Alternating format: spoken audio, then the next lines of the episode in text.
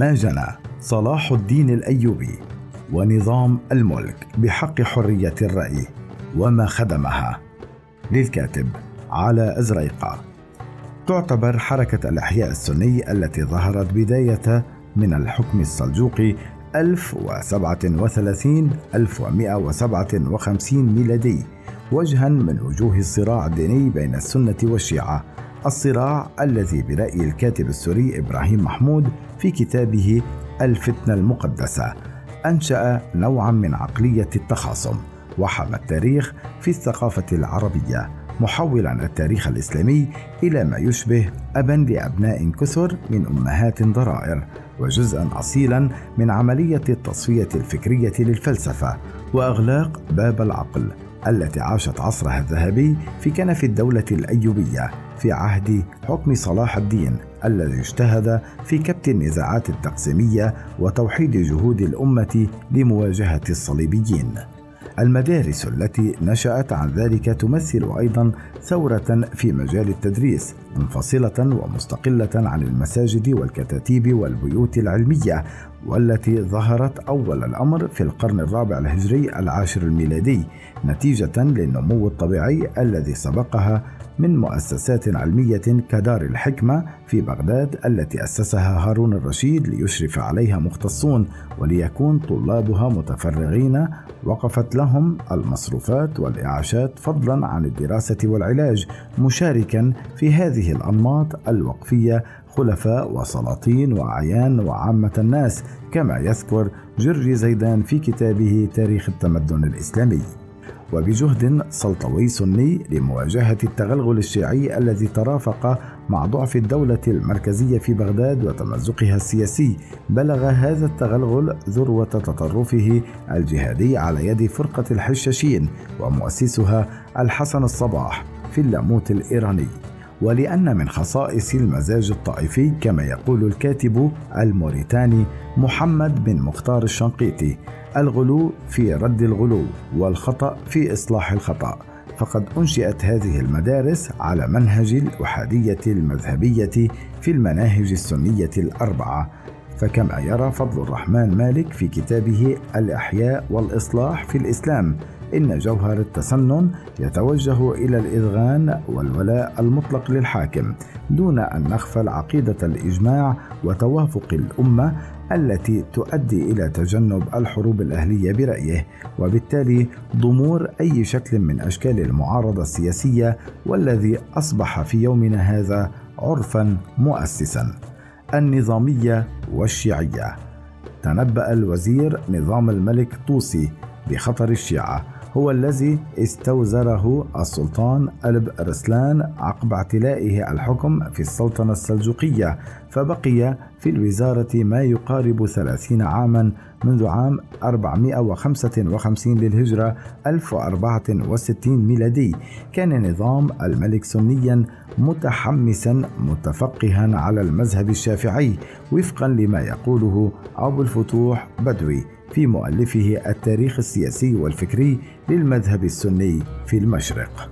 قد ازداد آنذاك خطر الشيعة الباطنية والنزارية بشكلها الجهادي الحشاشون وقد تمكنوا من تشكيل قوة كبيرة وتحصنوا في أقاليم الجبال واتخذوا من الاغتيال وسيلة لإزالة خطر معارضيهم مما أشاع الرعب والاضطراب في البلاد.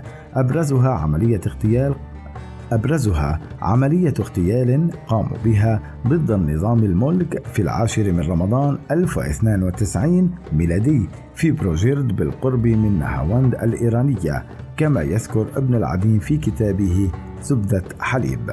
تمكن الحشاشون أيضا من كسب اتباع كثر فعمل نظام الملك وإلى جانب محاربتهم سياسيا وعسكريا إلى تأسيس المدارس وتأهيل فقهاء لمواجهتهم فكريا.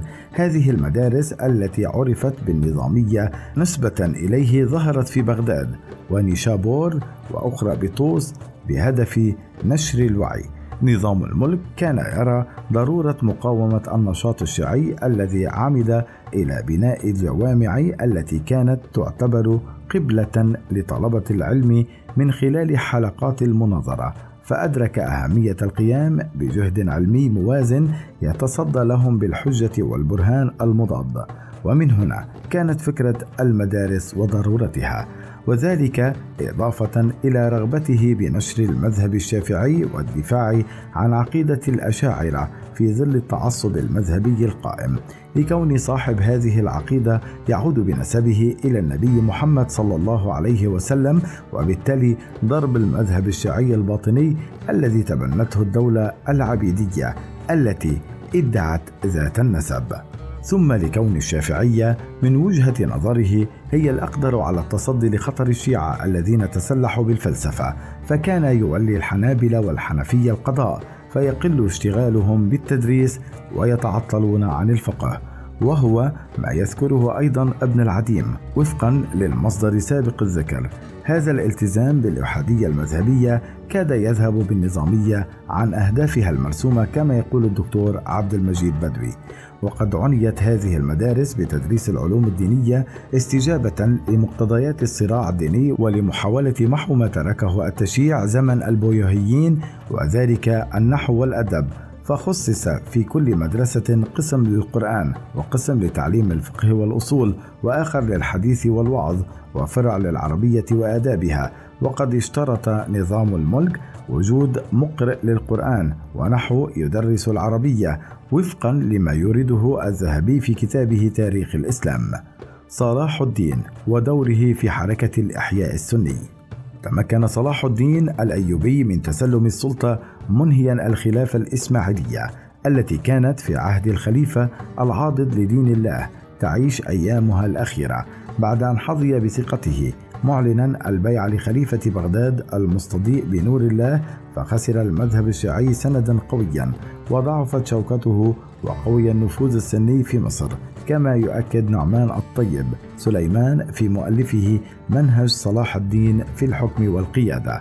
رغم الصورة اللامعة التي حاول المؤرخون لصقها بصلاح الدين كونه محررا للقدس إلا أن العماد الأصفهاني يذكر لنا إحراقه مكتبات القصر الكبير ودار الحكمة ومكتبة الأزهر بهدف القضاء على الفكر الإسماعيلي الشيعي ويتابع الأصفهاني وهو من أقرب الناس لصلاح الدين. أنه أسند أمر تصفيتها لقائده التركي بهاء الدين قرقوش المعروف ببغضه للكتب ويروي أن جنوده كانوا ينزعون جلود الكتب ليصنعوا منها نعلا وأحذية لهم وفقا لابن تغري في كتابه النجوم الزاهرة. جاهد صلاح الدين ما استطاع لإحياء المذهب السني فقدم نفسه حاميا للخلافة العباسية في بغداد ولأنه كان يرى في الشيعية كحركة سياسية عداوة يهدد سلطته فقد اعتبروه كرديا من ناحية وغير مصري من ناحية أخرى كما أنه بسبب محاولة اغتيالهم له غير مرة عن طريق حشاشة سنان راشد الدين اعتبرهم خارجين عن مذهب الخلافة والإسلام عقيدة وفقها وفق ما ذكر ماجد فخري في كتابه تاريخ الفلسفة الإسلامية.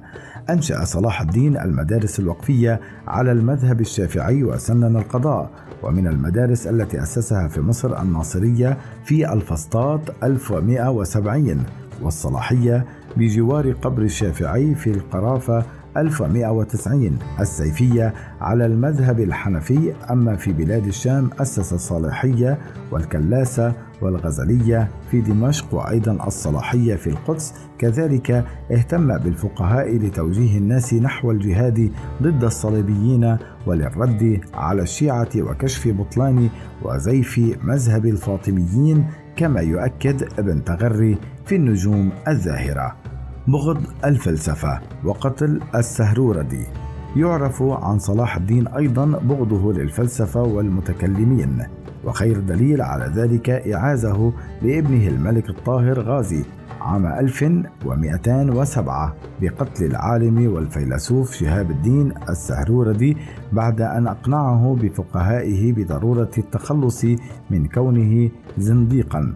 بحجة آرائه الفلسفية التي تمس الذات الإلهية ومزجه في فلسفته بين حكمة اليونان وديانات الفرس من مزدكية وميناوية والصبائية أيضا ومروجا أن النبوة لا تنتهي ومسميا نفسه بالمؤيد بالملكوت وإضافة لتأثيره بالفكر الإسماعيلي وفقا لما يذهب إليه محمد علي أبو ريان في كتابه تاريخ الفكر الفلسفي الإسلامي.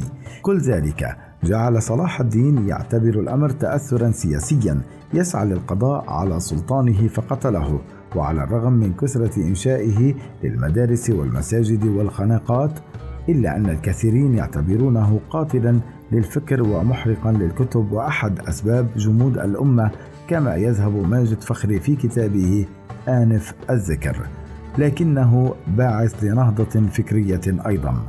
ورغم كل ذلك لا يمكننا إلا اعتبار صلاح الدين باعثا لنهضة فكرية وعلمية كبيرة انبثقت عن دور العلم الكثيره التي شيدها ساهمت في استقطاب كثير من العلماء من مختلف البلدان الإسلامية وعملت على تثقيف الناس فأسهمت في تحقيق شيء من الوحدة الفكرية مما كان له اثرا كبيرا في بناء مجتمع قوي ومتماسك.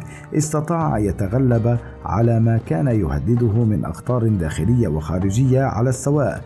كما يرى الدكتور نعمان الطيب سليمان في كتابه منهج صلاح الدين الأيوبي في الحكم والقيادة.